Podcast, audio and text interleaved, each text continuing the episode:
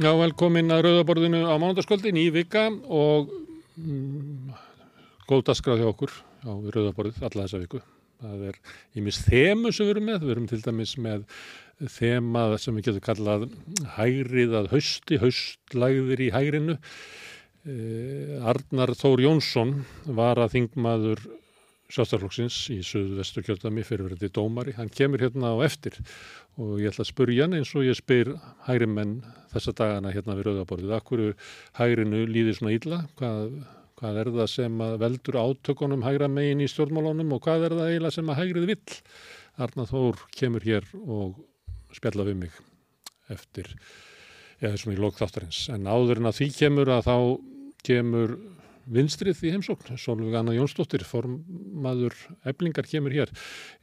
Tílefni eh, samtalsins við hana er kannski brunin sem að var í gær í Hafnafyrði þar sem að brann hús sem að er hluti af því sem að hefur verið kallað svona braggakverfi í nútímans. Það er að miðja síðustu völd að þá barðist verklisreifingin og almenningur allur fyrir því að, að bragga hverfónum er þið útrýmt hérna í Reykjavík og höfuborgarsvæðinu að láttekju fólk og láluna fólk kæmist inn í sómasanlegt húsnæði. Við erum búin að missa það niður. Bragga hverfin hafa aftur orðið til í þinnaði hverfónum þar sem að fólk býr við óbærilegar aðstæður, mörgum tilfellum við eldhættu og lífsáska og við, aðstæður þar sem að er ekki svona raunverulegt tækjafæri til þess að byggja upp heimili. Ég ætla að ræða við Solvíu önnu um þetta ástand hér eftir augnablík en við skulum taka okkur örstutlið og heyra kannski frá auglsendum. Með því að ganga í leyendasamtökin stiður þú bara áttu leyenda. Leyendasamtökin eru fyrir alla þá sem vilja berjast fyrir réttlátu húsnæðiskerfi. leyendasamtökin.is Samstöðin er á öllum hlaðvarpsveitum. Rauðaborðið, Sanna Reykjavík, Samtal á Sunnudegi og Helgispjall. Já, það brann hús í Hafnarfyrði í gær. Ég vinnaði hverfi þar en þar bjó tölur hópur af fólki. Þannig að það hefði verið óleifis búsetta eins og það er kallað. Þetta eru braggakörfi nútímas.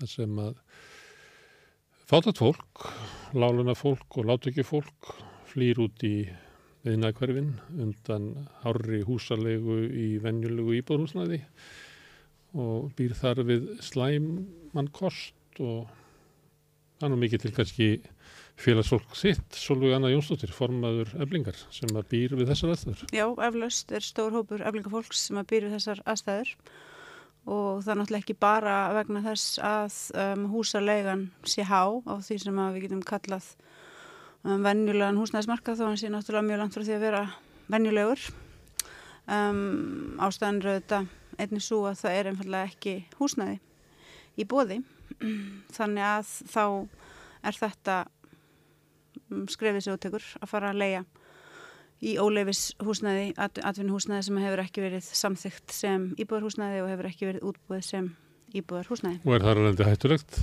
Ekki brunavarnir? Mjög hættulegt. Mm. Skoða myndir af þessu húsi áður en það brann? Já og þetta er eiginlega förðulegt hús sko, þetta er eins og sviðsmynd úr einhverju Dickens-mynd. Já, ekki brunavarnir og auðvitað ekki báðileg hreinleitsaðstæða, ekki báðilegar eldhúsaðstæður og svo framvegis, um, ég man nú ekki nákvæmlega hvar ég las það í einhverju skíslu sem að gefum var út fyrir nokkrum árum síðan, það sem að tala var við meðalans börn sem að uh, voru að alast upp í húsnaði eins og þessu, um, þar sem að þau mitt voru að lýsa því að komast ekki í styrtu heima hjá sér og það hlýtur náttúrulega öllum að vera ljóst hversu ömulagt það er um hvort sem það er fyrir batnungling eða fullorna manneski að geta ekki þrifið sér almenlega heima hjá sér mm. Það brann eitt svona hús á hodni í Vestugutu og Bræðurbókastíks ekkert fyrir svo lengur síðan mm -hmm. Sömurinn 2020 já, sem að það sem að bjó láti ekki fólk já. við óviðunandi aðstöður já. það sem að hafði verið gerðar ímsar aðdóðasendir en ekkert gert í sjálfins eins og ávið þetta hús mm -hmm. Það eru aftur að gera það ykkur aðtúasemdir, þetta er á lista, en það er ekkert gert. Nei, um, 2020 þá um sumarið var þessi ræðilegi harmleikur á Bræðarborgastík þar sem að þrjár ungar mannskjur sem voru að byrja sitt fullanins líf letu lífið við eins harmlegar aðstæður og, og mannshjórun bara getur ymda sér. Um, það hefði nú aldrei verið kjöri tækifæri þá fyrir um, pólitíska og efnaðslega valdastjætt að átta sig á um, emitt þeim aðstæðum sem að uppur komnar uh, og grýpa til um, einhverja, einhverja ráða. Það var ekki gert og ég mun aldrei gleyma því og það er alveg margir sem að munu tala það mjög óviðægandi af mér að minnast á það hér en ég ætla nú bara samt að gera það að þá um kvöldið eftir að þetta hefði gerst og eftir að ljóst var einmitt að þetta fólk hefði látið lífið þarna og þessi e, fólk hefði slasast ræðilega, kastað sér út um glukka og svo framvegis mist að legu sína þá sá fórsættisrað þeirra Íslands um, ekkert að því að fara á Twitter til þess að tvíta um það að Liverpool að með minnir hefði unnið einhvern stóran leik um, fyrir mér, ég gerði nú aðtöða samt við þetta þá á Facebook og um, er nú ymsu vön en ég held ég að við sjaldan fengi jafn mörgljótt skilabóð mm. og þá og þó að ég flissi hér þá er mér sannarlega ekki hlátur í mm. hug um, fyrir að dyrfast að hérna, ræða fókbólta sem að verðist þarna verið einhvern veginn heilagri en, en mannslíf mm. Um, fyrir mér var þetta svo ótrúlega mikil svona skilabóð um það hversu raunveruleg stjætskiptingin og, og svona þessi, þessi aðskilnaður er í samfélagi okkar.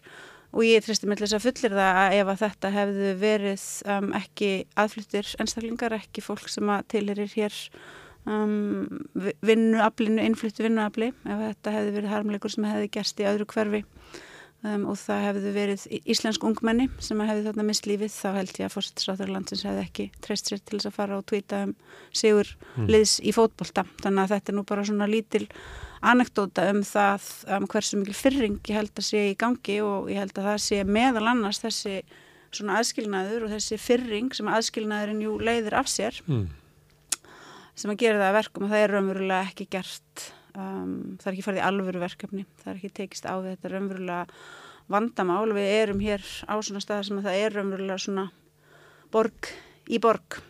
Það er mjög skemmtileg bók eftir hittundin China Mívil sem heitir City within the City að við minnir. Mm þar sem að hann, hann lýsir á sinn snjalla háttu með því hvernig, hvernig samfélag getur búið um, við hlið hvort öðru en þú serð aldrei hýna og það er umverulega búið að tryggja það að þú getur það ekki og að mörguleiti þó að það sé kannski langsótt í hugum margra þá erum við komin á þennan stað þar sem að íslensk valdast í ett, hvort sem er efnagslega pólitísk hún bara sér, sér ekki þetta fólk og vill ekki sjá það og þegar að þetta fólk og fulltrúar þeirra reyna að ná eirum meðlum á valdstættarinnar þá er því tekið eins illa og hægt er að hugsa sér.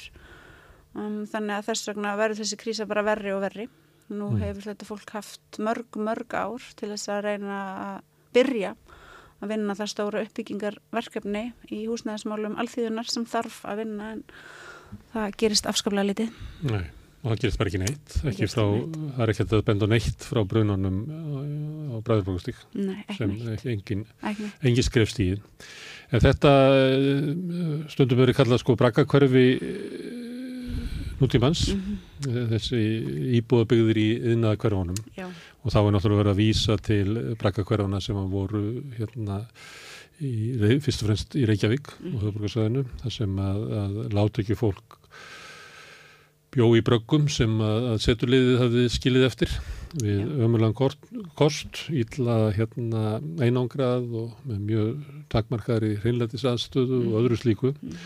Og þá var, og ástæðan fyrir það að fólk nefnir þetta, vísar í þetta er að, að miðja síðustu ald var mikið átak í samfélaginu meðan þess á gröfu verkefnseyfingarnar mm -hmm. að, að útrýma brækakverjónum og, og það var náttúrulega ekki allt sem að brækakverja, það var höfða borginn og fleiri sem voru svona bráðubyrðar hús sem að voru byggðið upp hérna á strísarónum mm -hmm. til þess að mhm. mæta gríðarleiri í húsnæðiseklu og þetta er svona eitt af stóra átökum verkefliðstjættarinnar á síðustu allt að útrýma þessu mm -hmm. brækakverjum en þau koma aftur.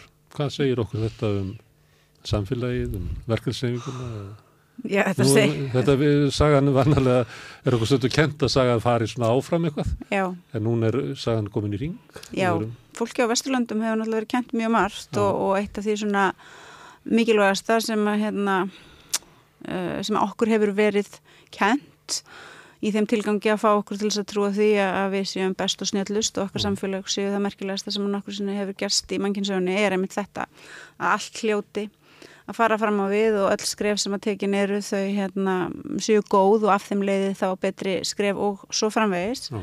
en nú er það augljóslega svo að það er ekki lengur hægt að halda þessu fram um, og þessi svona húsnæðis kreppa sem að um, hrjáir verka á lálunum fólk og, og einna helst félagsfólk félagsfólk eblingar er náttúrulega auðvita orsök orsakana er hægt að leita viðsvegar það er hægt að horfa á alþjóðavæðinguna natt, nattvæðinguna þar sem að vinnuafli þjóðríkjana er kastað upp í loft og þau senda af stað til þess að finna sér vinnu þar sem að hana er að ha hafa þar sem að það er talið í lagi og, og jábel bara ákjósanlegt að hafa atvinnuleysi í hæstu hæðum í vissum löndum til þess að tryggja það að ríkari lönd hafi aðganga ótir vinnuafli sem að streymir þá þanga til þess að leita sér að vinnu.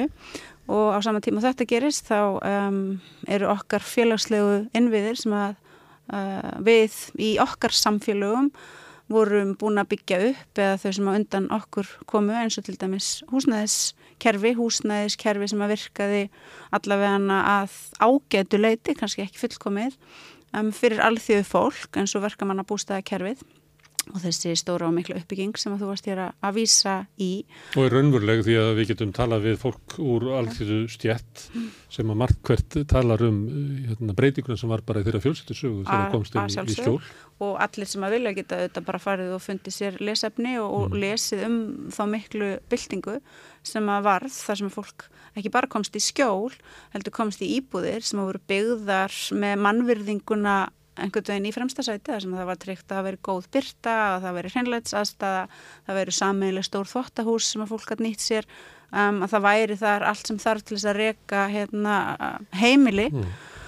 um, sem að er hérna, já, gott þú getur ekki gott heimili í góðu húsnæði ef, að, ef að þú í það mest að velgerða en já, svo er þetta allt eðilagt og um, svo þegar þetta hefur allt verið eðilagt þá er þarna Eh, fremur svona stuttur kapli í húsnæðisögu Íslandinga og svo náttúrulega kemur hrönnið og þá kemur svona næsti eðileggingar fasi gagvart húsnæðismálu um alþjóðu fólks þar sem að reysastór hópur fólks missir heimili sín vegna þess að það getur ekki um, tekst á við um, hrunn efnagslífsins og það er ekki nægilegt gert til þess að koma þessu fólki í skjól.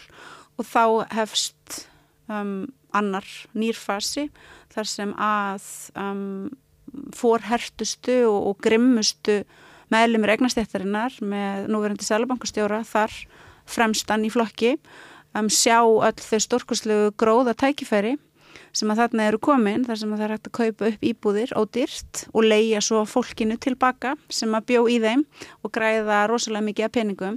Og þá förum við inn í þennan svona vilda vesturs fasa um, þar sem aðeimitt húsnæðismarkaðurinn er einfallega afhendur um, þessum meðlumum egnastættarinnar sem geta þá auðgast óheirilega á því eins og öllu öðru. Og svo um, er þessi mikli innflutningur og aðflutningur á um, vinnuafli allstæðar á heiminum um, og nú erum við komin á þennan stað þar sem að engin raunveruleg uppbygging hefur átt sér stað, þar sem að það er einfallega mjög bara massífur húsnaði skortur í bóði og þar sem að það litla sem að gert hefur verið, jáfnvel þó það séu mjög virðingarverð og mikilvæg verkefni eins og til dæmis bjarg, um, dögur bara alls ekki til. Um, nýjustu upplýsingar frá bjargi sín okkur fram á það að það eru á bylista 3200 einstaklingar mm. sem að segir okkur auðvitað bara allt um það hversu erfitt ástandið er og þessi mikla fjölgun þarna, hún hefur átt í stað á ekkert svo löngum tíma. Þannig að, já, margar orsakir en á þessum tímapunkti þá er þetta alltaf mjög mikilvægt að þekkja orsakjarnar og, og muna þær og vita hverjir eru orsaka valdanir og hverjir byrja ábyrð en núna náttúrulega verðum við að komast um, áfram. Við verðum að komast á næsta fasa í húsnæðis málum alþjóðunar sem er um, auðvita og augljóslega það að fara í massífa uppbyggingu á félagslegu húsnæði, uh, massífa uppbyggingu á því auðvita að fólk geti leikt en auðvita eigum við ekki að láta sem svo að það sé einhvern veginn ekki lengur í bóði fyrir meðlumi um, verkamannastættarinnar að eiga sitt eigið húsnæði, það er bara fáránlegt. Fólk á auðvitað geta komist í eigið húsnæði uh, ef það vil gera það. Þannig að hér þarf auðvitað bara eitthvað, eitthvað mjög mikilvægt og stórt og metnaðafullt að gerast og hefðu auðvitað átt að þurfa að fara stað fyrir mjög langu sen mm.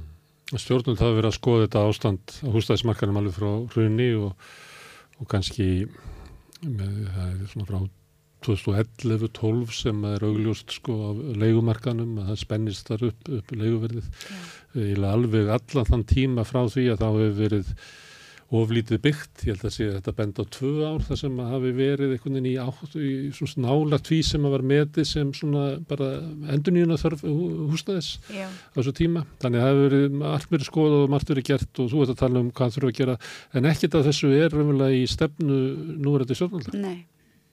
Nei, nefn það var náttúrulega margt annað í stefnu núverði stjórnvalda og, og á þessum tímapunkt er ekki hægt að segja neitt annað en að helsta stefnum mál núverði stjórnvalda hafi verið að hyggla auðstöttinni á kostnað alþjóði fólks. Mm. Það er bara eins og það er. Um, ég ætti kannski að segja eitthvað örlítið meira frá stöðunni hjá eflingar fólki mm. vegna þess að þessi, þessi húsnæðis kreppa ekki bara gerur það verkum að fólk um, hrækst í uh, ólefis húsnæði eða einfallega tekur ákvörðun um að leiðar bara af því að leigan annar staðar er svo dýr. Og það eru þetta sárt fyrir mannesku sem að vinnur um, að sjá á eftir næstum því öllum sínum ráðstöðun að tekjum í hendurnar á þriðja aðila. Og ég skil að fólk takki þá ákverðun um það að frekar leia á stöðum eins og þessum. Að neyta sér umvel um að geta Já, haldið til þess að kannski geta sparað eitthvað lítið vegna er nú ekki eins og leigan þarna sé eitthvað, eitthvað sérstaklega lág. Um, en ef við skoðum bara tölunar um stöðu eflingar fólks þá frá árinu 2009 og þanga til um, núna þá er algjör viðsnúningur eða umsnúningur í stöðunni. Uh, 2009 voru meirinn 60% eflingamæðlema í eigin húsnaði með minni 63%. Nú eru ekki nema um það byl 35 til 38% mm. í eigin húsnaði. Um, hátt í 50% eflingar félag að leia á almennamarkanum og um, ég held ég sé að fara hér með rétt mál, ég held að sé um það byrja 60% öflingafélag sem segjast byrja þunga byrði að vegna húsnæðiskostnæðar mm. og það sem er sjokkirandi að sjá að það er mjög lítill munur á þessari þungu byrði af húsnæðiskostnæði á milli þeirra sem að leia á almennamarkanum og svo þeirra sem eru að leia hjá óhagnaðadrifnu um, húsnæðisfélagunum eins og Björki vegna þess að jafnvel þar er leigan það há að fyrir eflingafólk reynist hún mjög erfið um, og svo þegar við sjáum þessar tölur og skoðum svo aðrar tölur í lífi eflingarfólks þá er svo augljóst hvað þetta hefur skjálfileg og skemmandi áhrif. Um, meirin 50% eflingakvenna um, tala um bá og andlega helsu hátt í 30% um, eflingakvenna geta ekki séð börnunum sínum fyrir bara svona grundvallar hlutum eins og góðum klæðnaði eða hjálpa þeim að fara í ammælum í gafir, taka þátt í tómstundum. Um, 27% aflingakvæna með minnir talum að eiga erfitt með að geta kæft bara ammæls og jólagjafir handa sínum eigin börnum. Uh, og þarna er augljóst hvað húsnæðiskostnæðurinn er að hafa hræðileg áhrif á auðvita fólki sjálft sem að vinnur fulla vinnu og mun samt aldrei geta um, um frjálst höfuðstróki og svo hvað þetta hefur ótrúlega skemmandi áhrif á afkvæmið þeirra og, og bara alla möguleika á því að búa til gott fjölskyldulíf og um, þannig að mín skoðun um, og félaga minn er að þarna er auðvitað bara verið að fremja efnarslegt ofbeldsverk á fólki. Um, og þetta er sama fólki, við skulum ekki gleyma því sem að knýr hér áfram hjól aðtunlýsins Eh, fullvinandi fólk sem heldur hér öllu gangandi mm.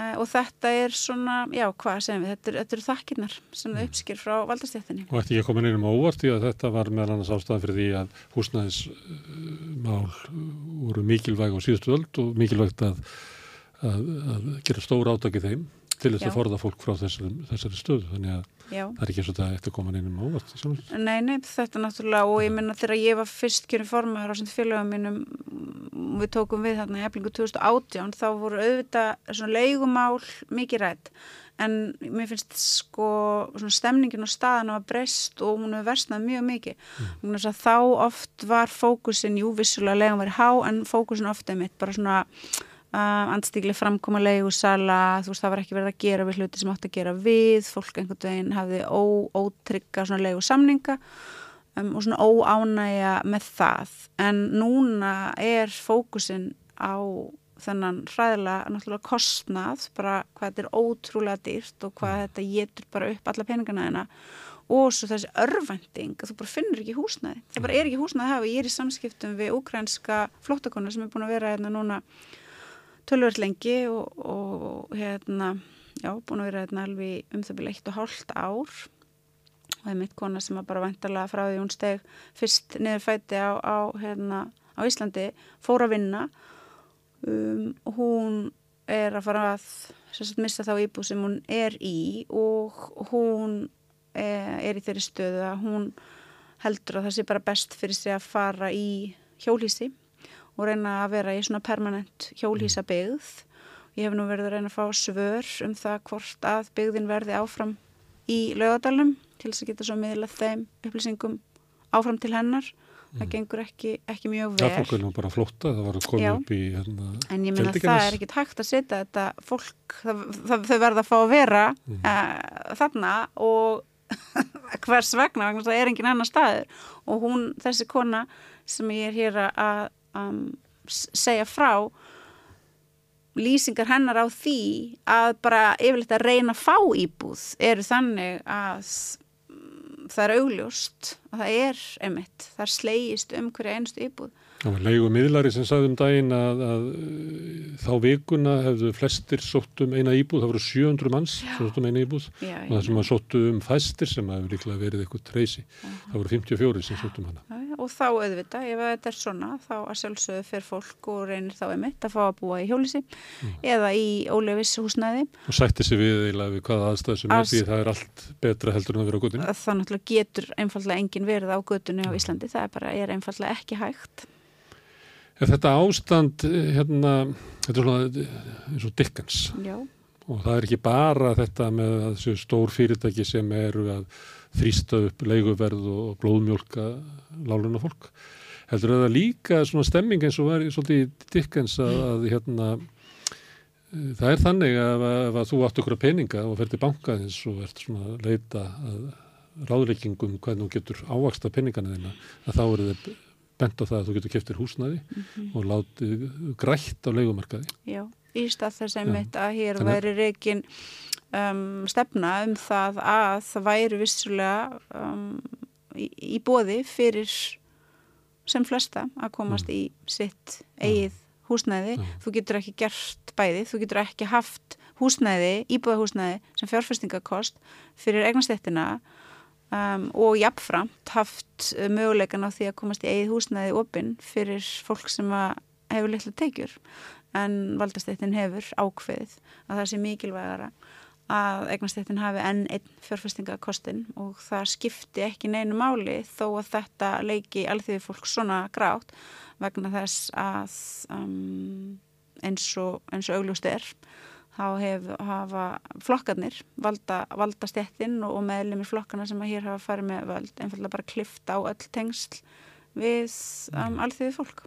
Og stiðja hérna, þá sem hafa komist í einhverja álnir og eiga einhverja eina, tværi eða þrjári eða fjóra rauka íbúður til þess að vera svona eins og personur og dikkars bókum sem eru bara að reyna að lifa á öðru fólki. eða eru ofrætt að styggja mm. og ég veit ekki hvort er verra Þú sagðir áðan að, að 2009 hefðu 60% eflikafélaga eh, búið í eigin húsnaði en nú verður það komið í þriðjung. Já. Það sem hefur gerst náttúrulega leiðinni er að, að, að fjölgunin í eflingafélugum eru fyrst og fremst innflytjendur. Já, um, við erum núna með um, 50% um það vil. Þannig að það eru... 50% innflytjendur. Já, þannig að rörnandi efnagstaða láluna fólks te, helst í hendur við það að þetta er fólk oft sem er á jæðri samfélagsins sem er ekki hér fullið þáttakundur í samfélaginu og sem að, að ráða fólk á kannski auðvöldra með að bara horfa fram hjá þörfum þeirra Þetta eru, já, innflytjendur en þetta eru líka einstæða mæður. Já, ég er ekki að segja það síðan allir, ég er bara að velta fyrir Mm, en ég bara að segja já, það er stann, sannlega þannig. að Það hafi er- hjálpað uh, stjórnvöldu til þess að sjá ekki þetta fólk er að það uh, bara horfir á það og segir að þetta tilir ekki samfélaginu. Mm, Það er eflaust einhver faktor í þessu og já, og ég menn það er eflaust líka faktor í því að mm, hópur aðfluttra eflingarfélag er ekki með kostningarétt. Mm.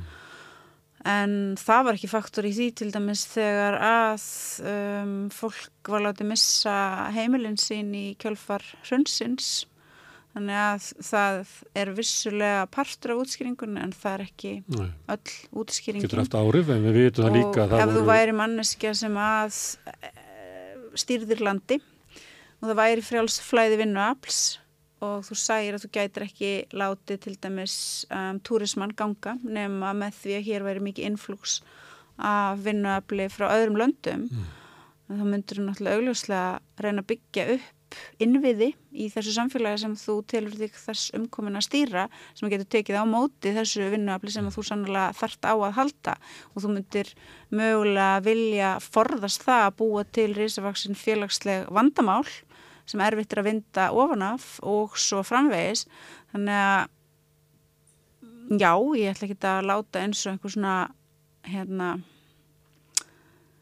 þú veist, ég ætla ekki að láta sem svo að einhver svona bara beinn illvilji eða svona bara kallt skeitingarleysi í garð innflytjenda eh, ráði ekki einhverju leiti för en ég held þetta sé líka bara þessi svona já, þessi svona aðskilnaður þessi svona bara að sjá ekki verka á láluna fólk og vilja ekki vita af því og vera svo langt leitt í þeirri afstöðu að það er bara orðið um, partur af þeirri pólitík sem þú spilar. Mm, þetta er ekki bara Geta ekki- útlendinganduð heldur anduð á bara lágstjætt. Já og bara, já, einhver, einhver svona fyrring og það að vera einhvern veginn búin að gleyma og yfirgefa þessi gömlu gildi um, vinstri mennskunar um, sem að skiptu máli og sem að fengu fólk til þess að aðhyllast vinstri stefnu og vilja kjósa vinstri flokka og vilja taka þátt í pólitísku starfi og svo framvegis vegna þess að það var það snýrist um að bæta hag og kjör og líf alþjóðu fólks, Mm, vinnandi fólks og að fólk pólitíkusar. um, og þeir sem að nú tilla sér leiðtoga höfðu actually einhverju leiðtogaferni og það hugur ekki sem þarf að fylgja leiðtogaferninni í að taka stórar og miklar ákvarðanir og um, horfast í auðvitað það að það þarf að nota ríkisvaldið til þess að um, breyta samfélögum til hins betra og það er ekki hægt að fara af stað með eitt risastort samfélagslegt verkefni sem að snýst um það að vera með frjálst flæði vinnuafls ef að þú ætlar ekki að gera neitt í samfélaginu sem á að vera heimilið þessar fólks til þess að gera líf þeirra bærilegt. Það er ekki, ekki bara það er ekki bara heimskulegt, það er bara klárlega samfélagslegt sabotas. Það er heldur ekki hægt að bjóða hingað flottafólki frá Úkrænu Guð og víðar á þess að hafa neina góður. til þess að að það geti búið eitthvað starf. Er? Og það fyrir viku síðan að þá var verið að henda fólki út á götu, á guð og síðan hafa eh, ríkisvaldi og sveitafélagin verið að- með lögfræði álit að deila um það hver byrja ábyrðina. Mhm. Ég nefndi þannig að dikk eins og svona, erum við í einhverju svona, svona siðfyrslugu, erum við að horfa upp á bara svona siðfyrslegt raun samfélagsins. Ótrúð skeitingalýsing hvort þeim sem er í sári neitt. Við á Íslandi erum bara komin á nákvæmlega sama stað og um, önnur Evrópulönd, e, Bandaríkin um, sem að ákveða að gera sitt til þess að gera heiminn verri, að gera sitt til þess að taka þátt í innrásum og árásarstríðum, gera sitt til þess að grafa undan möguleikum um, þriðja heimslanda til þess að byggja upp sitt efnagslíf og sína innviði, um, gera sitt til þess að búa til flóttamenn í þessum heimi en vilja svo ekkert gera til þess að taka svo á móti flóttafólkinu sem að fer oft á tíðum emitt að flýja aðstæður sem að Vesturland Evrópa og Bandaríkin hafa sannlega gert sitt í að, búa til um, þannig að við erum bara á þeim nákvæmlega sama stað og ef einhver held að Ísland myndi ekki fara að þanga þá er það náttúrulega einhver massíf sjálfsblekking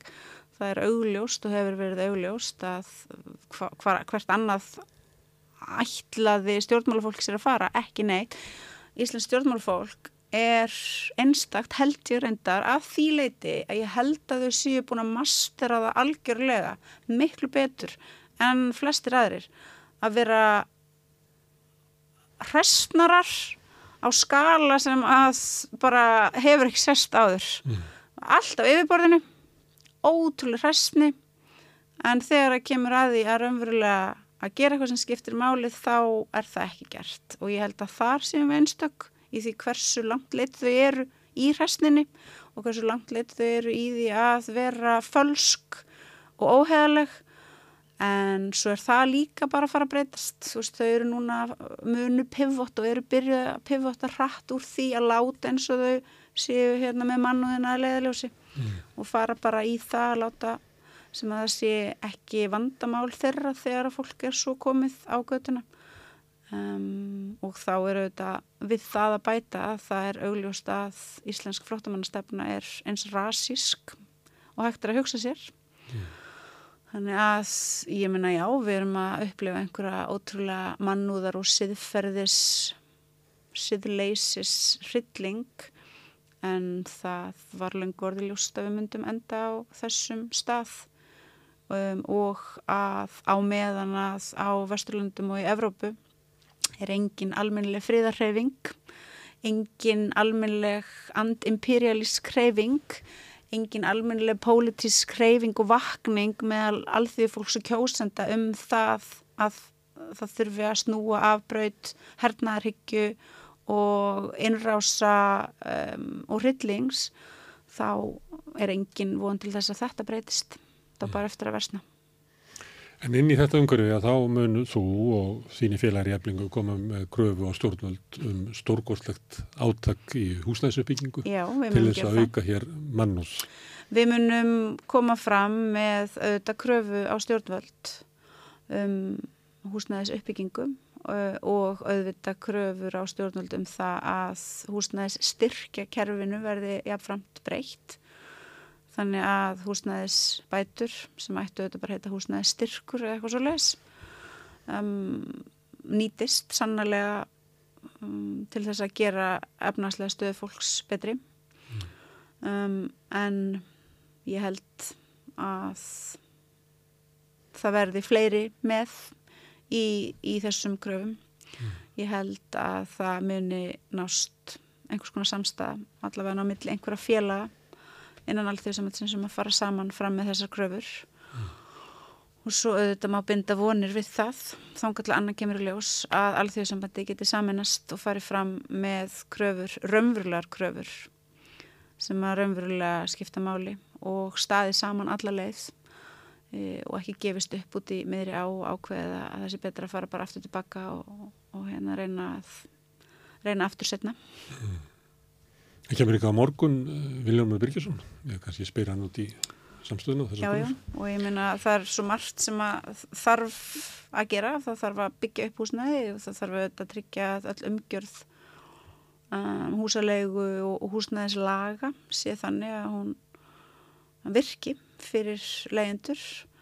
Um, Þannig að þú tala um ekki húsnæðistuðning og þá húsalegu bætur eða hvað það reyta hverju sinni. Já, Þú þekkir gaggrín í leiðand á því að, að þeir eru bara láttir flytja þessa peninga frá ríkinu til leigusalans eins og hekkar leiguna bara hérna verðan. Já, ég þekki þá gaggríni mm. en ég, að, það er líka fólk sem að gaggrínir vakstabætur og er séu bara, ég veit að Vilhelm Bríksson hefur gert það og fleira, það mm. séu bara gjöf til bankana. Ég ætla að segja að ég man þá tíð, ég hef sjálfur reyndar aldrei fengið neina svona peninga mm. En ég man þá tíð þegar ég um, vann á, á leikskóla á samt uh, frábæri konu sem var þar að komast í sitt eigið húsnæði. Hefur verið í kringum 2011 áður en að Silfur skeiða stjórnin rústaði vastabótakerfinu mm. Sem við gerðu, sem höldum því til haga til þess að geta verið með hérna, stóru tilfæsluna. Hún var fjármögnuð af því að, að brjóta niður vakstabótakjörfi. Eðileggingin, hún svona Það er kúlmineraði í algjör því. mískilningur haldið að þetta hafi verið peningar sem komum frá þrótabúunum. Þetta voru peningar sem voru sóttir í því að brjóta niður vakstabótakjörfi. Sammála, hún, hún eðileggingin kúlmineraði í því Mm. að til þess að framkama leiðréttinguna eins og hún var kölluð þá var endanlega rústað vakstabótakjörfinu. En þessi kona, Mm. hún var ein, hún og hún var að fá vakstabætur hverju einasta ári uh, og það var substansial upphæð sem að skipti þessa konu mjög miklu máli gerði það til dæmis að verkum að hún gæti heldur fermingaverslu fyrir dóttur sína á þess að bugast að fjárhagsáhyggjum og stopna til skulda og svo framvegis. Uh, þegar ég skoðastu eflingafólks þá sé ég það að risastór hópur eflingafólks um, getur ekki mætt óvendum 80.000 króna útgjöldum án þess að mynda stopna til skulda Þannig að já, að sjálfsögðu má gaggrína það að hér sé vaksta okkur og svífilegt bankakerfi og að sjálfsögðu má gaggrína það að hér sé ekki búið að sitta á leigu þak eða leigu bremsu. Ef að það veri gert þá náttúrulega verið að tryggja það að hækkun á um, húsnæði styrk fær ekki beint til leigu salana. En við, við vonum auðvitað á einhverjum tímapunkti komumst við á einhvern útópískan stað þar sem að hlutunir eru að öllu leiti orðnir góðir. Við erum ekki komin þangað og ég held að flestum sé að ljósta að það er doldið mikið langt í land. Ég á samt félögum mínum höfum bara þá afstöðu að við tökum skref og berjumst fyrir því að geta tekið skref sem að gerir efnagslega tilveru og þar með félagslega tilveru eflingafólks betri um, og þess vegna erum við tilbúin til þess að berjast fyrir því að húsnæðistyrkur og, og vaksta bætur fari aftur á þann stað sem þau voru notabenni ekki fyrir mjög lengur síðan og um, hjálpuðu þá fólki með raunverulegum hætti Og hafa Voru verið, ekki- verið allstaðar, eins og hérna Já. það er eh, hvergi, almenningur hefur aldrei eignast húsnað í nokkur Nei, landi nei. nema með virkum stuðningi hins opebera. og að Og það er hendur mjög ríkulur í Noregi þar sem er svona hátt hlutfall fólk sem að býra í eigin húsnæði. Að það er, er ævindirlegt hvað hérna, það hefur verið mikil stuðningur við þá stefnu og, og þá er, komum við á þennan svona fundamental stað að við þurfum að spurja okkur til hvers ætlum við að nota ríkiskassan til hvers ætlum við að hafa ríki um, til hvers ætlum við að hafa fólk með völd sem stýrir þessu ríki ef að við erum einhvern veginn búin að gefa það algjörlega upp á bátin að það sé hægt að nota tilfærslu kerfin til þess að gera líf venjulegs fólks, alþýð fólks betri? Ég er ekki komin á þann stað, ég kannski enda þar ef að hérna hörnunin og hnignunin og hryllingurinn heldur áfram, en ég ennþá trúi því að það sé eitt mikilvægasta baráttu mál, fólk sem er best fyrir betri lífskjörum vinnuapsins að setja fram um, sterkar róttaka og markvisa kröfum það að um, ríkið beiti sér með markvisum hætti og noti tilfærslukerfin til þess að gera líf þessa fólks betra. Ég nefndi inn húsaleguna að því að það er svolítið munur á því á vakstabótunum þar sem að ég fæ styrk til þess að, að eignast húsnæði sjálfsögðu, en- en svo fæ ég styrk til þess að, að halda áfram að leiða þessa ógulegu en það eru náttúrulega hér hópar sem að um, maður skilur leiðandan sem að fer, tekur við þessu og fer með peningana Já, grátandi en ég ætla til þá að segja ógleði. að það eru auðvitað líka hér hópar og það eru hópar á eflingafólki sem að eru hér og eru að leia og munu gera það áfram, eru ekki að fara að kaupa sér húsnæði hér á þessu landi en að sjálfsögður er þarna mikill munur á. Ég til að við um að byggja upp bæði þessi kerfi upp og nýtt um, en svo til ég auðvitað að það sé uh, grundvallar atrið að hér verði sett á leigu bremsa, leigu þak um, og auðvitað bara mjög sterk og effektív um, löggjöf um það hversu mikið má rukka fólk um uh, þetta, þetta svona grundvallaratrið sem það að hafa hús um, til þess að eiga heima í er og um, já, það er líka barátta sem held ég að eigi eftir að harna mjög og um, barátta sem að verður að ná einhverjum árangri í. Þú trúið því að verkefnisreifingin nái saman um kröfur í húsnæðsmálum? Eins og ég sagði, Það má hún eiginlega segja það ef ég má nú koma svona eins og maður að göttunni. Ef hún er ekki saman um það, þá er hún eiginlega ekki, þá mun hún ekki ná saman um nokkuð skapaðan hlut, sko. Því að þörfin er svo augljós og hef um, tölur það reynslu af því ég mitt að sjá hreyfinguna um, taka einhvers konar fyrirlega ákvörðum það að ná ekki saman um mál eins og þessi. Ég Mm. ætla ekki að sitja hér og láta eins og ég sé einhvern veginn full af einhverju svona barslegri bjart sínu og jákveðinu um að þetta fara allt á besta veg. En ég er sammála þessum manni af gödunni. Ef að verklæsirengin getur ekki náðu saman um þetta á þessum tímapunkti þá hlýtur af því að leiða að fólk fari að spyrja sig til hversi ósköpunum er þetta fyrirbæri að skrölda áfram. Og alvaran var náttúrulega sínileg í gær þegar brann húsið í Hafnafrið. Já, og al alvaran var sínileg í gær, alvaran var sínileg um, árið 2020 og alvaran er sínileg um, þú skoðar byrlistan hjá Bjarki, alvaran er sínileg þegar þú talar við félagsfólk eflingar og skoðar niðurstöður rannsókna á um, efnaðsleiri tilveru þeirra og já, það er auðvitað komið að tímamótum og ef við komumst ekki áfram ef við komumst ekki út í þessa á yfir hana og upp á bakkan hinum megin þá veit ég ekki alveg hvað verður hægt að segja um íslenska verkefliðsreyfingu. Erðu svo vegna, takk fyrir að koma enga. Og svo minnit ertu búin að vera að tala um svona vandan í vinstrinu að, að, að hafa sem einu svona ykkert barist fyrir hérna, svona sjálfsögðum mannúðar kröfum og er svona orðið óljósar núna. Já. Ég ætla hérna að tala við hægri mann hérna eftir um af hverju þeim líður svona illa. Af hverju hérna hægrinu líður illa. Það er Arnar Þóru Jónsson, var að þingmaði sóttarflóksins sem kemur hérna rétt eftir augnablikk.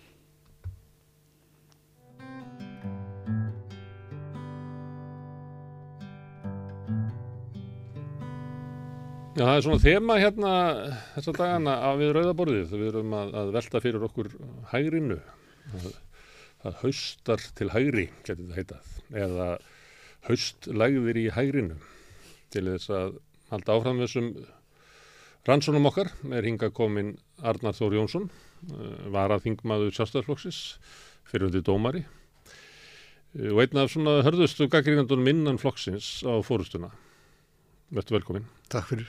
Ég veit ekki hvort að þú kunni svöru við þessu, eða kannski eigum við bara að reyna átt okkur á þessu í saminningu. Hvað, hvað er að gerast með hægrið sem að veldur svona óanægju margra í hægrinu? Já, ég, ég, ég geti byrjað að tala um það að mér hefur þótt, uh, ef við tökum, tölum sjálfstæðarslokkin, að hann hafi svona fjarlægst þau gildi sem að honum var ætlað að standa vörðum og umræðan sem farin að snúast mikið um svona aukaadriði og kannski er hinn pólítiska umræða farin að snúast um adriði sem að varða ekki svona hið, hið daglega líf og það sem að mest brennur á almenningi og um, ég hef nú leift mér svona í hálfkæringi sem að ég hlýta mig að við hafa líka Mm. að, að, að tala um stjórnmálinn sem nokkus konar leikhús og í setni tíð leikhús einhvers konar fáránleika þar sem að það er látið líta út fyrir að við stjórnvölinn seti stjórnmálamenn en maður hefur verið í vaksandi mæli á tilfinningunni að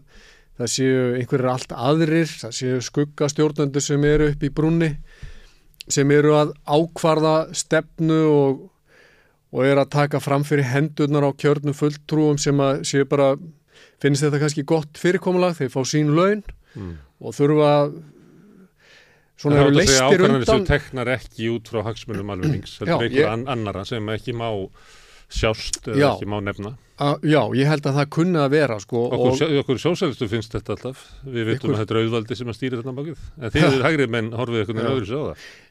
mm, sko ég er sko heimurinn er auðvitað alltaf að breytast Já. Eh, við erum á einhverju við erum á blári kúlu sem snýst í kringum eldnött, ekki satt Já. og allt snýr öfugt og öðruvís í dag en það gerði gær og Og hérna jarðarinn er líka rauður. já, það kjarni er hann rauður og, og í kringum okkur snýst einhver kúla sem hefur áhrif á vassföllin og þar með okkur sjálf og þannig á hverjum tíma er maður að reyna endur með þetta stöðuna og ég held að eh, eitt af því sem við, við getum valla hort fram hjá í nútímanum er eh, þessi, þessi ítök eh, alþjóðlegra stórfyrirtækja og áhrif þeirra og ekki bara okkur daglega líf í formi innframleiðslu og alls konar hérna já, beitna áhrifa sem þetta hefur á, á okkar bara tilvist, hilsufar og annað heldur líka bara áhrif þessar fyrirtækja á stjórnmál og stefnumörkun í heiminum og almenna grímulösa og Alveg- umræðu. Þessi þátt, þessu þætti verður dreift á YouTube og Já. Facebook sem að við erum svona háð ákveðnum duttlungum sem að einhverjum reglum sem þar eru settar Einmitt. sem að eru, ég held bara á engan hátt líðræðislegar. Ég er sammála og uh, þess vegna vil ég gætnan uh, stiðja við frálsa fjölmiðla, hvort sem það heitir hvað heitir þetta hérna rauðaborðið og Já, samstöðin. samstöðuna því að ég held að henni stóru möðlar sé á mjög að fallanda fæti og, og framtíðin sé í hinnum frjálsu uh, sjálfstæðu litlu miðlum. Því að þetta er allt umræð og nú komum við saman til að til að reyna að skilja bara hvað er í gangi og, og hérna stereotypiska mynd er kannski að hægri menn ættu að vera bísna ánæða með það að markaðurinn hérna gæsalappa í að stýra för og allt það. Ég er, það, ég er ekki einn af þeim því að ég tel eins og vonandi þú Gunnar Smári að, að förin eigi að vera mörkuð á grundvöld einhvers konar líðræðislegs samtals sem að þú átt þátt í að móta með uh, viðtölum sem þú tekur hér. Að við Og- í saminingum reynum að móta samfélag, samfélagsins Akkúrat. í samtali og ríðræðislegri svona debatt og, og, og, og svo stundum getum við talað okkur niður á niðurstöðin í öðru tilfellu þá bara kjósum við um það Einmitt. og sættum okkur við þá niðurstöð Já, og við, um sinn allavega. já, og við gerum þetta svona á jafnstöðu grunni Já. þannig að við tölum saman auðliti til auðlitis en við sættum okkur ekki við fyrirkomulega það sem að það er talað niður til okkar það sem er reynd að stjórn okkur eða kurska okkur til og það sem er svo óþægilegt og, og í vaksandi mæli eiginlega óhugnanlegt eru þessar auðmanna samtkomur til dæmis í Davos þar sem að stæstu já, fyrirtæki, auðjöfrar pólitískir áhrifamenn, kjörnir fulltrúar koma saman og einhvers konar PR-menn sem að, og vísindamenn, gleymum þeim ekki, í þeim tilgangi að svona ráðskast með og leggja línutnar á það hvernig megi nú breyta heiminum ofanfrá sko. Mm. Og þarna segi ég fyrir sjálfa mig uh, fyllist ég miklum óhug og til að þarna sé, séum við stöndum fram fyrir nýri ógn sem við verðum að bregðast við. Því að í svona klassísku tilliti, þú getur talað með út frá marxismannum og eftir þú vilt, en svona út frá minni sín uh, þessarar uh, svona frjálslindis hefðar í íhaldsömu, ef við notum jáfnvel það, þá líkingu líka, þá snýst uh, til dæmis stjórnskipunin og stjórnarskrá bandaríkjana og, og allt þetta sem við höfum búið við núna í rúmulega 200 ár um það að koma böndum á ríkisvaldið. Hvernig dreifum við ríkisvaldinu og komum veg fyrir að ríkisvaldið fara að tuska okkur til og gerist svona kúunarvald. og kljúum það svo að e, svona einn armur þess hafi ekki ómikil völd látum passa. arma hafa eftirlit og aðhald með hvora öðrum Hárið. En hvað gerum við þegar að skyndilega stö við stöndum frammi fyrir því að það er risið upp annað skrýmsli sem er jafnvel okkur ennþá háskalara heldur en ríkisskrýmslið sem að væri þá einhvers konar alþjóðlegt auðvald ef að ég ætti að nota það orð sem að ég treysti mér alveg til að taka mér þetta orð í munn. Og þarf það ekki að afsaka það hér. Að hérna, einhvers konar svona skuggalegt, ólýðræðislegt, jáfnvel mannfjandsamlegt vald sem að vil stýra því hvert leiðin liggur og afnema völd líðræðislega kjörina fulltrú og svo framist. Þá held ég að við þurfum að fara að endur með þetta og tala saman og reyna að skilja hvað er að gerast. En uh, mörguleiti get ég tekið undir þetta og sagt þessa sömu sögu. Sundu skrifa ég eitthvað í þessa veruna og segja að við verum bara að setja okkur við það að við verum að sigla inn í það sem mætti kalla allræði auðvalsis. Það sem að allra ákvarðanir sem að skipta okkur máli í samfélaginu eru teknar af, af auðvaldinu og sem að notar sko ríkisvaldi til þess að koma að vilja sinum framfæri. Framfæri. Hva, en akkur er þú hægri maður? og ég vinstri maður? Ákur er ég ekki vinstri maður? Nei, ég meina, ertu hægri maður eða vinstri maður eða hvað? Já, minnstu það, ég var lengi hérna framan af að skilgreindi ég mig svona sem einhvers konar krata. Já. E, síðan hérna þegar að síðan e, sko ég var ég var auðvitað í svona ákveðinu pendulreyfingu sko, millið þess að vera uppalinn sjálfstæðismæður yfir það að vilja vera frjálsuga og vera opingagart öðrum hugmyndum og svona en það sem að ítti mér alveg gjörsanlega yfir í það að, að vilja verja sko sem við kallum frjálslinda lýraðishefð er þeirra, við skulum bara ekki nafngreina hendilega hér en þingmaður hérna e, hvað heitir þetta? Samfélkingarinnar Mm.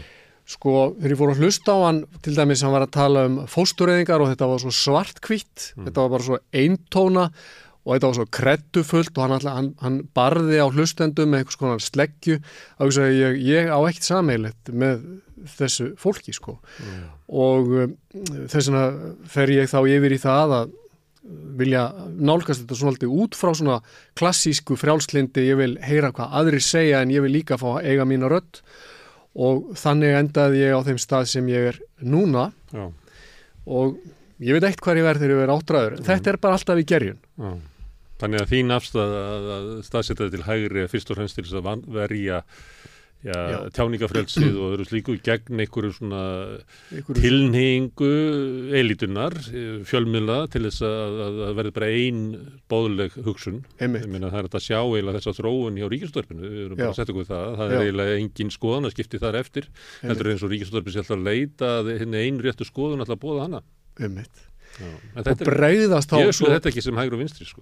Nei, ekki heldur, ég held að Við vinstri með þurfum mjög á, tjáningafrelsinu að halda sko.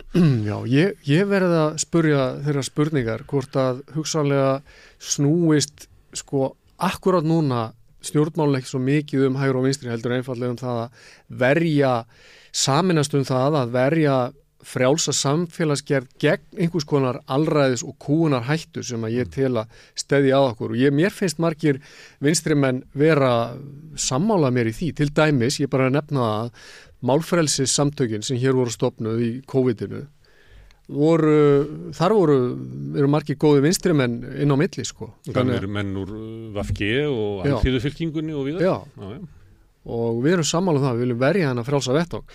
Þannig að ég veit ekki alveg á hvaða leið sko atvinnu stjórnmálin eru því að þau hafa svolítið, Mm. þau hafa ekki viðurkent. En þetta með hægur og vinstri að þessu leiti eins og þú stildir þessu. Já, Stundum finnst mér þetta eins og þessi innflutt hérna, skilgreining frá bandaríkjónum. Það sem að hægur og vinstri sko stjættastjórnmálin eru horfin. Ég skil, Já. skilgreini vinstri sem hérna að, að það er stefna fjöldans gegn hinnum fáu ríku og Já. hægrið tekur, dregur þá taum hérna hinna ríku. En í bandaríkjónum þá eru stjættastjórnmálin horfin og e, menningarstríð tekið yfir. Það sem að fólk lemur hvort annað fyrir Mhm. rángar hugmyndir. já.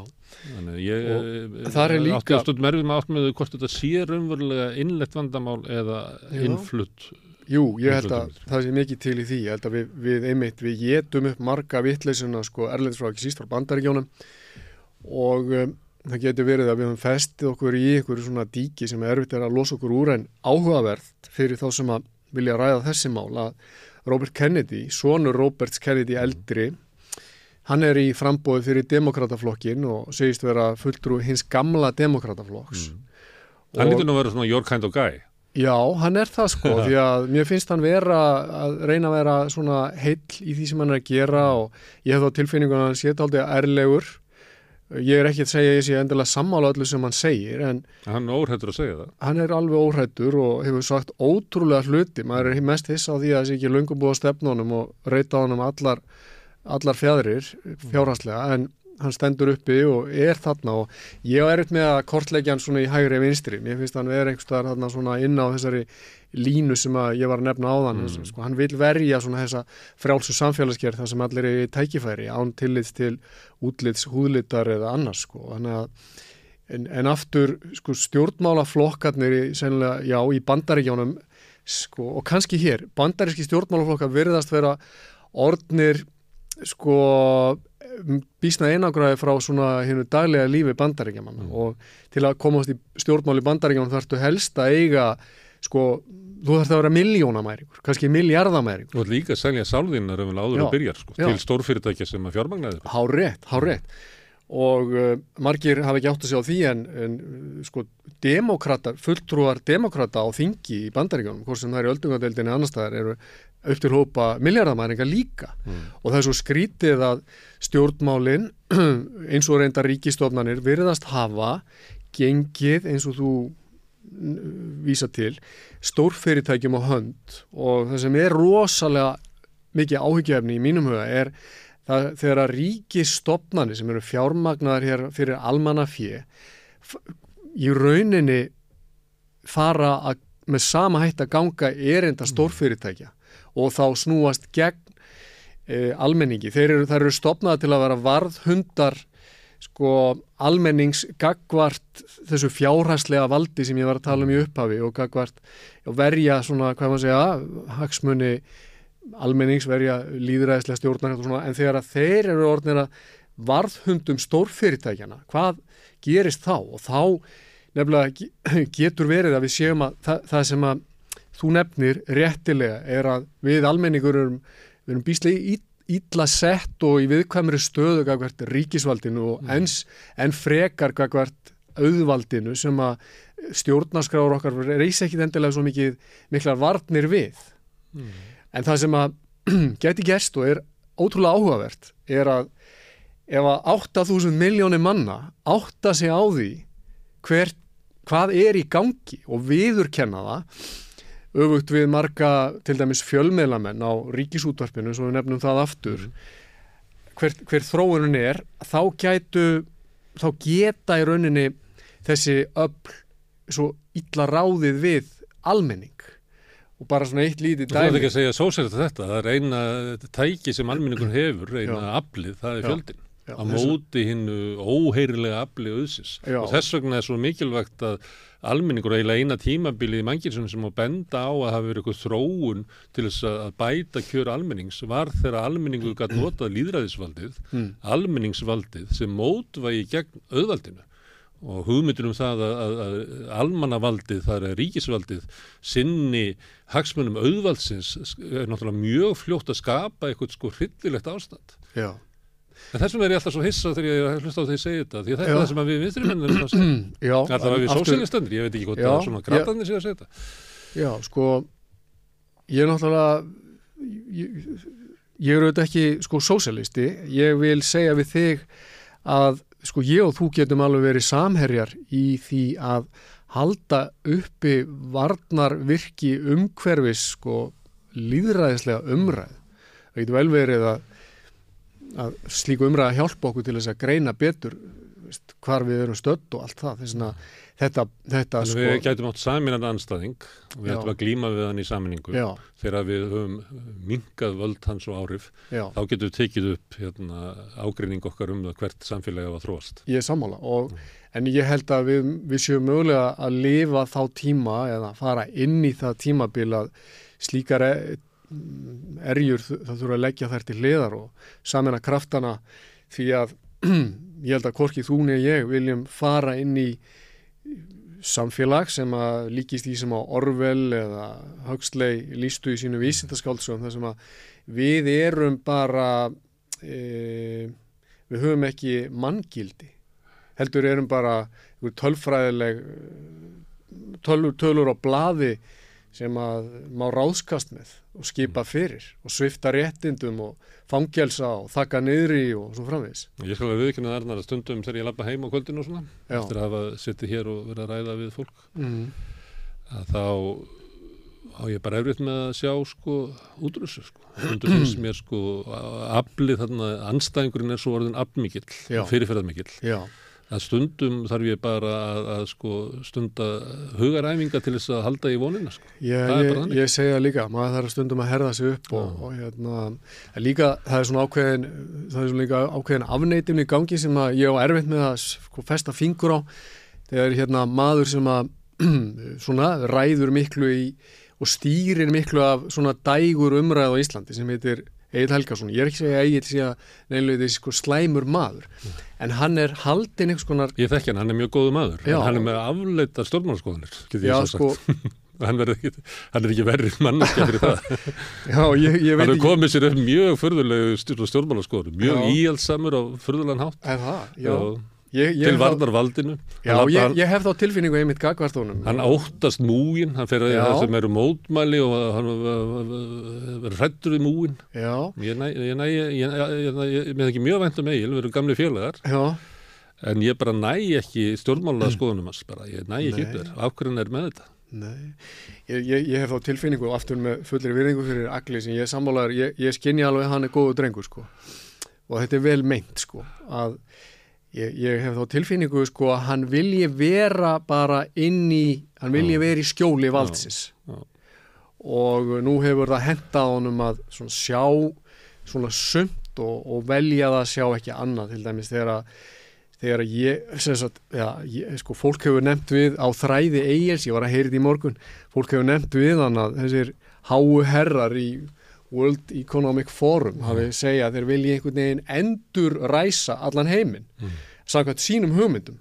Þá kallar eigil það samsæðiskenningu þegar að einhver bent honum á það að æsti strömburinn hann hefði skrifað bók sem heitir bara The Great Reset þar sem að segir hann á blaðsju 19 eða 18, ég las nú bókina að svarið öllum heimsins vandamálum sé ein miðstýrð e, ríkistjórn þar sem að ríkisvaldið og, og þá þessi fámennistjórn sé mjög stór mjög stórt en almenningur væntalega mjög lítill á, þeim, á þeim vogaskálum og léttvægur. Þá segir bara eigið þetta eru samsæðiskenningar þegar, þegar honum er sem sagt kynnt þessi bók þá bara stimpla hann sig út úr umræðin hann vill ekki sjá þetta. Kjö, þetta er sjálfkjörin blinda gákvært því sem að við og það sem er náttúrulega, þú veist, svo skrítið. Þetta fólk segir nákvæmlega hvað það allar sér að gera hvert það stefnir, en þegar þú segir að það sé stefnan þá er þú að færa fram samsæriskenningu, mjög Ste- skrítið. og stefnan er kannski form sem að hefur verið algengast í mangisögunni að það sé ákaflega fámenn yfirstett sem að drottnar og kúar yfir öllum Já, það er í, í mannkistögunni sennilega reglan og, og ástandi sem við höfum búið við síðustu áratugi þar sem við teljum okkur hafa rödd og geta haft áhrif og er þá algjört frávik væntalega. En segðu mér, nú ert þú að gaggrína, ert inn í uh, hérna Valhöll og ert að gaggrína fórustuflokksins og stefnans Já, já. og, hérna ert með þessa svona hugmyndum um hvert við getum að þróa og hvað þetta er mikilvægt og hvað þetta er brínt að bregðast við. Já. Hvernig er tekið í þetta hefur? Ertu einn, Já, ég, ég, ég ertu hrópandinn í eðimörkinu þarna eða ertu að endur óma tilfinningu og afstöðu sem að margir í græs og tjóðstoflokksins hafa? Já, mjög margir. Ótrúlegasta fólk sem er alltaf að ringi mig, hitta mig, förnum vegi, sem að er á þessari skoðun og, og segir eitthvað á þess að leið ég kaus alltaf þennan flokk og ég geta ekki lengur, ég held að hann sé tíndur í, er einhverju eðimerku göngu, hann voru viðskila við sjálfan sig og þetta er, þetta er hinn, hin, sko, almenna, hinn almennu viðbröð sem ég fæ. Ég hef í raunin ekki verið skammaður, ég hvet þá fórustu flóksins til að gera það bara formlega núna, ringi í mig og skamma mig ef þau vilja gera það. En það verður enginn komið eitthvað og, og reynd að þakka niður í mér.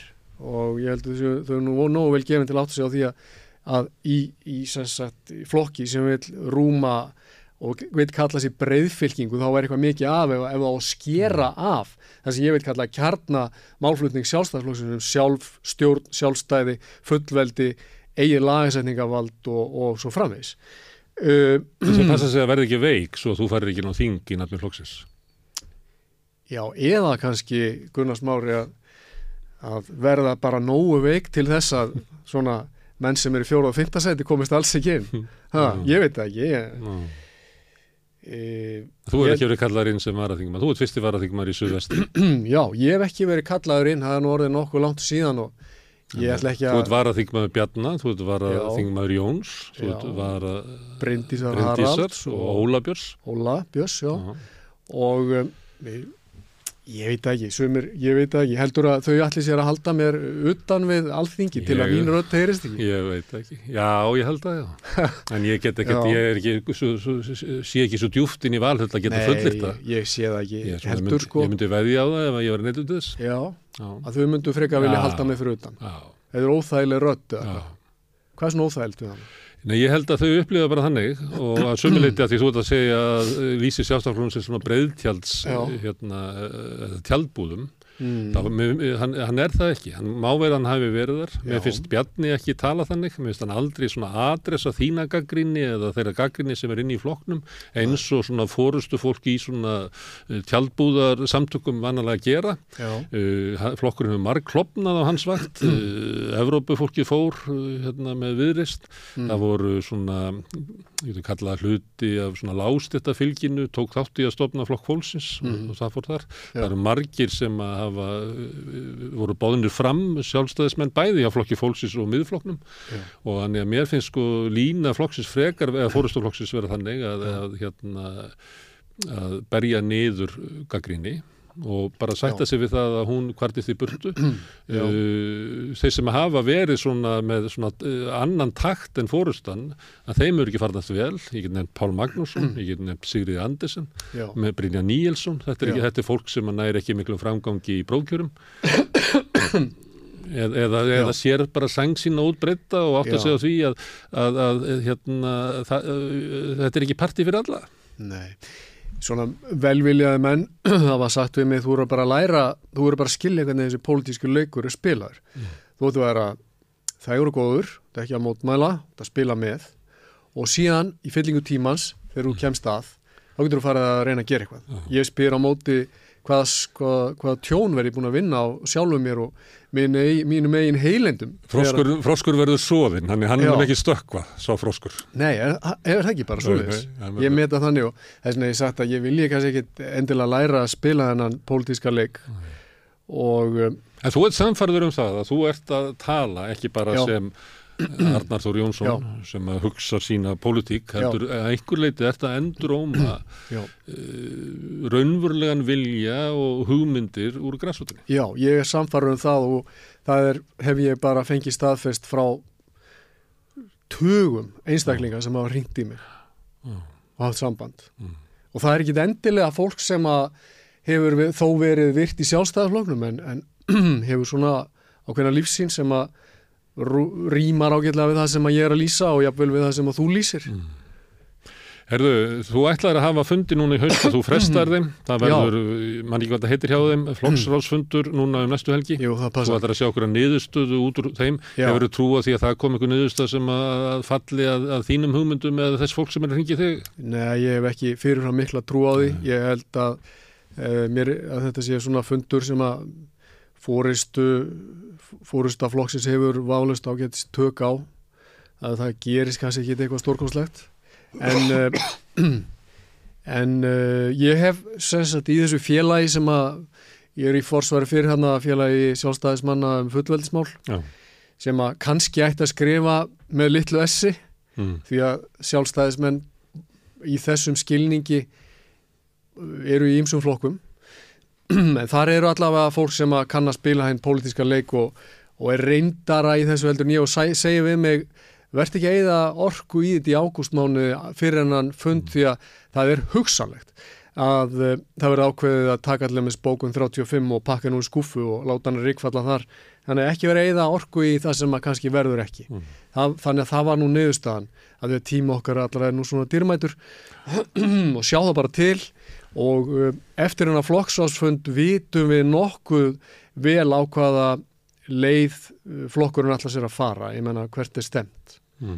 uh, og aðrir verða þá bara að nota sín orðum það hvort að þetta sé þá ferð til heilla eða hvort að það sé einhvers konar sjálfsmós leiðangur uh, flokksins sko Mm.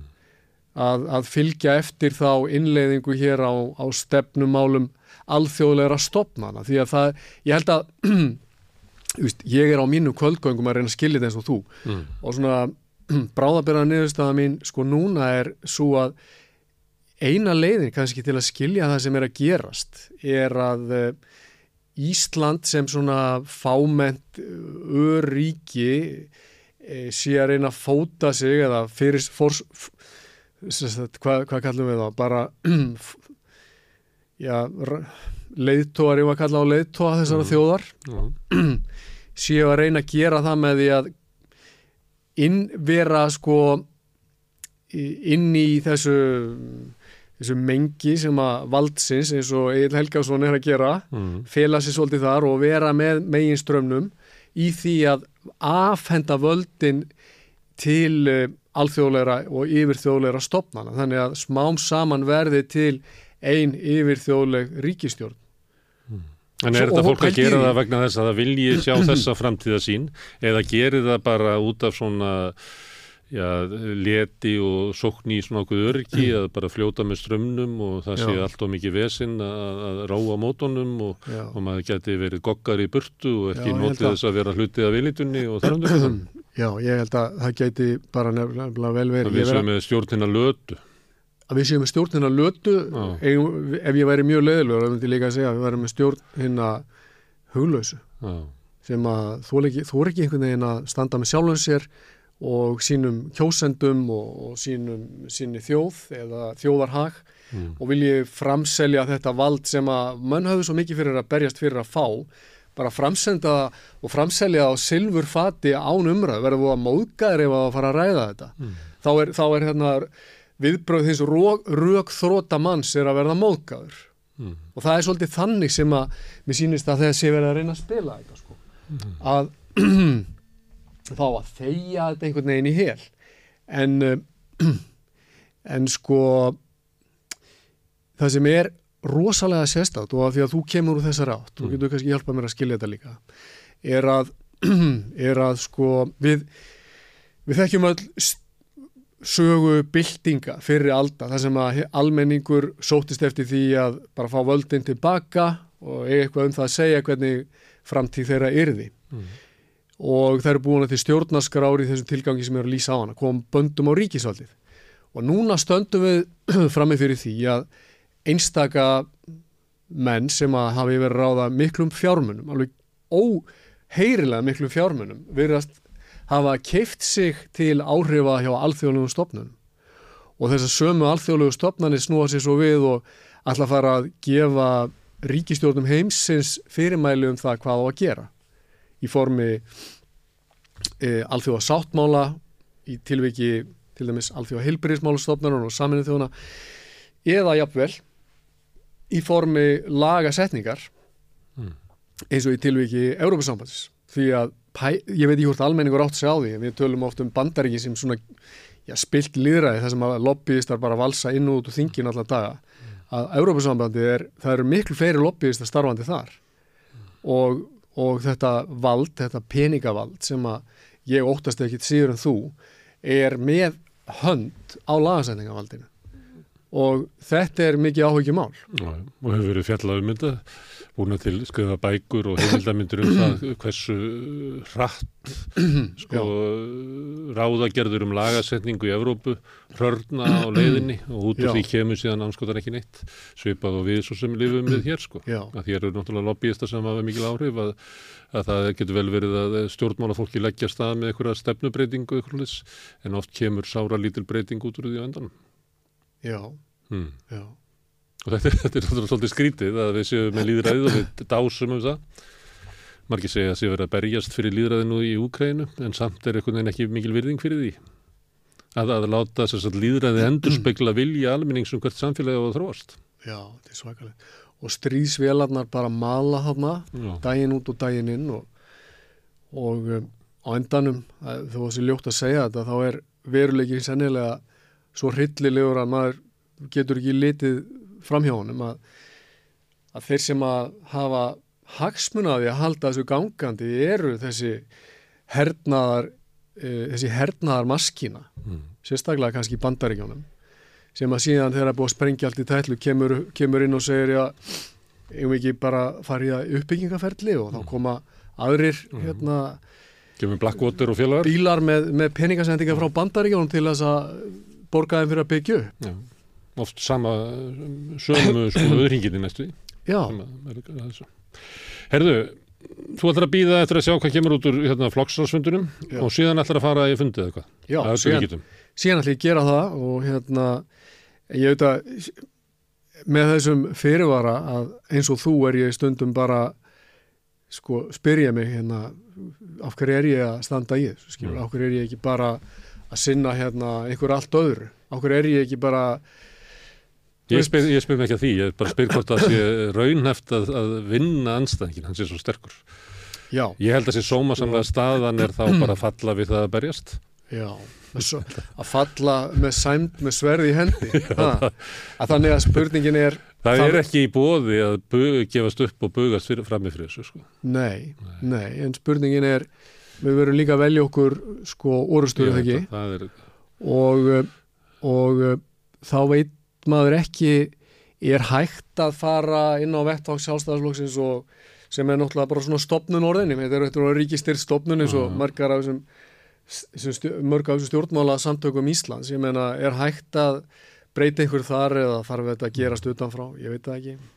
En það verður, ef ég held svona fundi einhver já þá, þá sem ég ætla að vera að gera það kemur í ljós hver er eh, vilji fundamanna. það kemur nefnilega í ljós já, En þú nefnir hérna þetta sé ríkistofnun sem þetta er náttúrulega að, Já. hérna, og flokkarnir hafa breyst mikið Mhm. áður fyrir var náttúrulega e, útgerðinn og, og hérna heilsalarnir höfðu mikil áhrif á, á sjálfstoflokkinu þess að það komu peningarnir en það Já. komu líka mikil, mikil peningum frá bara venjulegu flokksmönnum já, og, fórust að taka tilliti til almenna flokksmanna. Nú Já. koma peningarnir meira og minna frá ríkinu já, og svo núna því þeir seldu lóðir í kringu sig en það er allt annað peningarnir sem koma þar megin inn já. þeir koma bara til núverandi fórustu sem að ráðstafar peningunum heldur en þeir komi frá grásrútinni með einhverju svona hugmyndum um það það mingar eiginlega völd grásrútina með því að hún hefur engi peningalega áhrif á, á elituna elitan síðan er eh, flestir áðarar sem er mikið af, af aðstofafólki sem að vinnu við það að tala um það hvað það standi sér vel.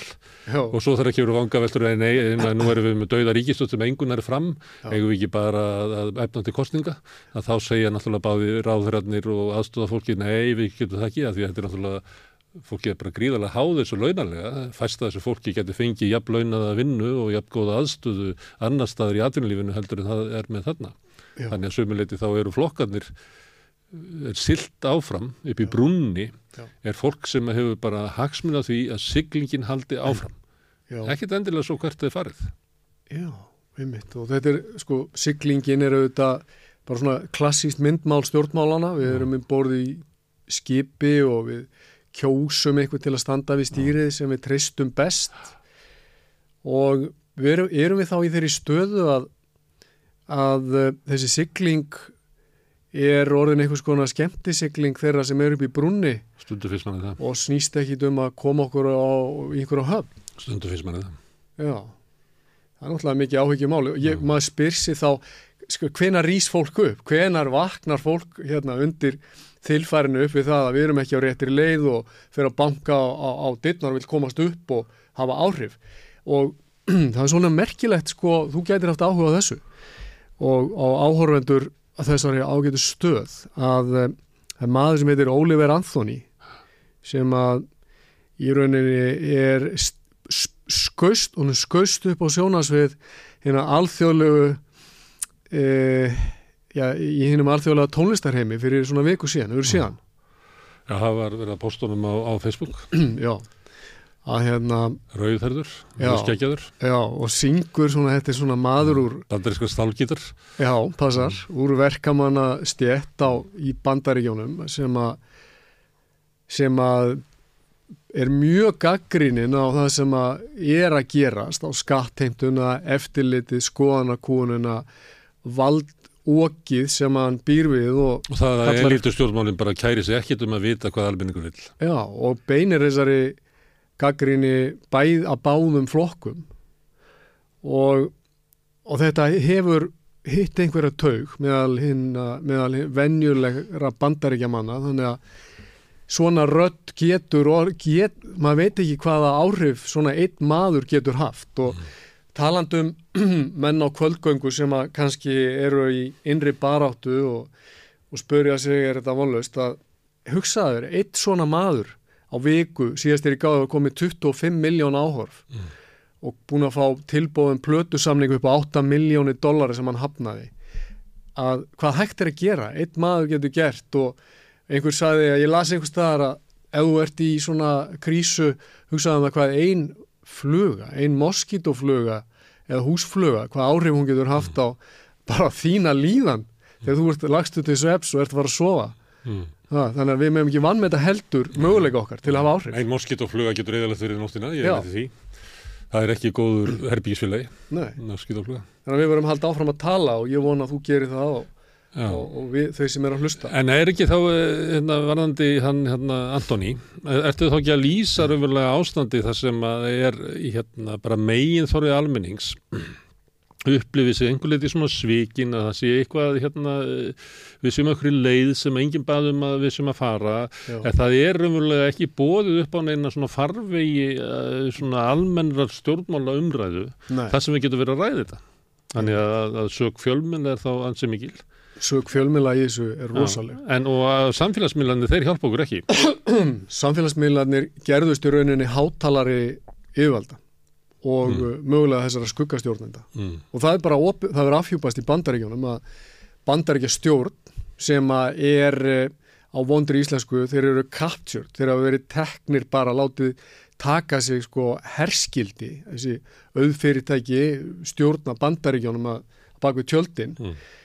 þeir hafa voru sannarlega að segja Twitter og Facebook hvað er mættu byrta og hvað ekki þetta er bara, hefur afhjúpast þannig að e, það er svona undarlegt og maður veltir því fyrir sér hvernig get, stendur á því að fólk sé ennþá að horfa á svona þessar fréttir og, og lesa þessar ríkismiðla í þeirri trúa að það sé verið að segja okkur allan sannleikan ég, ég sá, las einhvers staðar um daginn að kynverjar séu löngu hættir að horfa á fréttir því að þeir vita að þetta er áráður mm. Vesturlandabúar horfa fréttir og halda ennþá að þetta séu sko Mm. einhvers konar yfirvegar upplýsingar Mm. en það er haldið okkur ákveðin í heimsmynd það er magnaður upp ákveðin ótti í þeim tilgangi síðan að það sé auðveldar að stýra okkur og ég held að við séum að við þurfum að svona átt okkur á því hver þróun hefur verið skilja þessar raddir sem þú ert að segja, lýsa þarna. Mm. fólki sem telur sig hafa verið bara svift rödd, svift valdi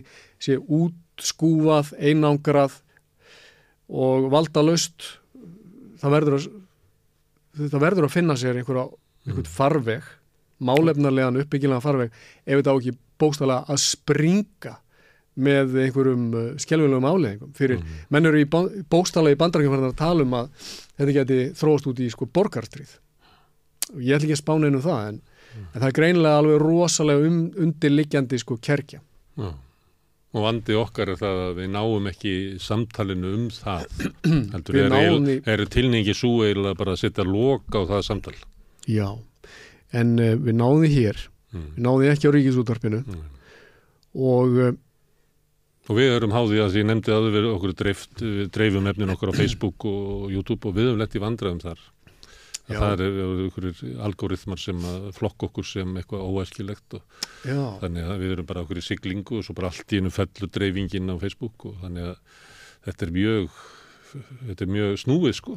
já að, Þess vegna eru ofta að hvetja fólk til að læka síðunar okkur og læka efnið okkar og að hjálpa okkur á móti einhverjum uh, andstreymi sem er þarna sko.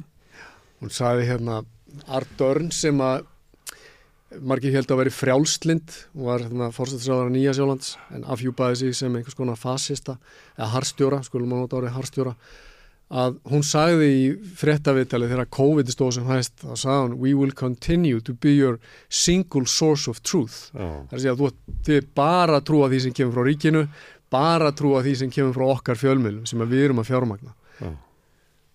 Svona var eiginlega bara þetta er tilnefingin hér sko, Já.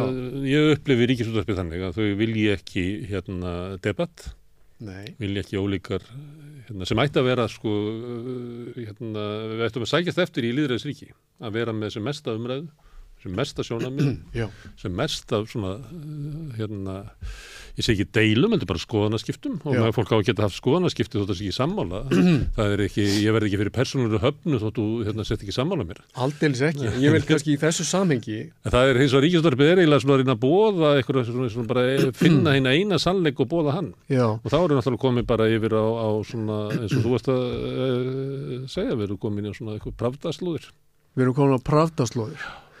Og Reuters er orðið bara tass nútímans. Og uh, ég vil segja hversi bara svona kvartning til allra sem að horfa er að uh, við sko allt frá, við getum sagt frá Greiklandi, þá hefur verið svona heimspekilegu þráður í vestræðni menningu.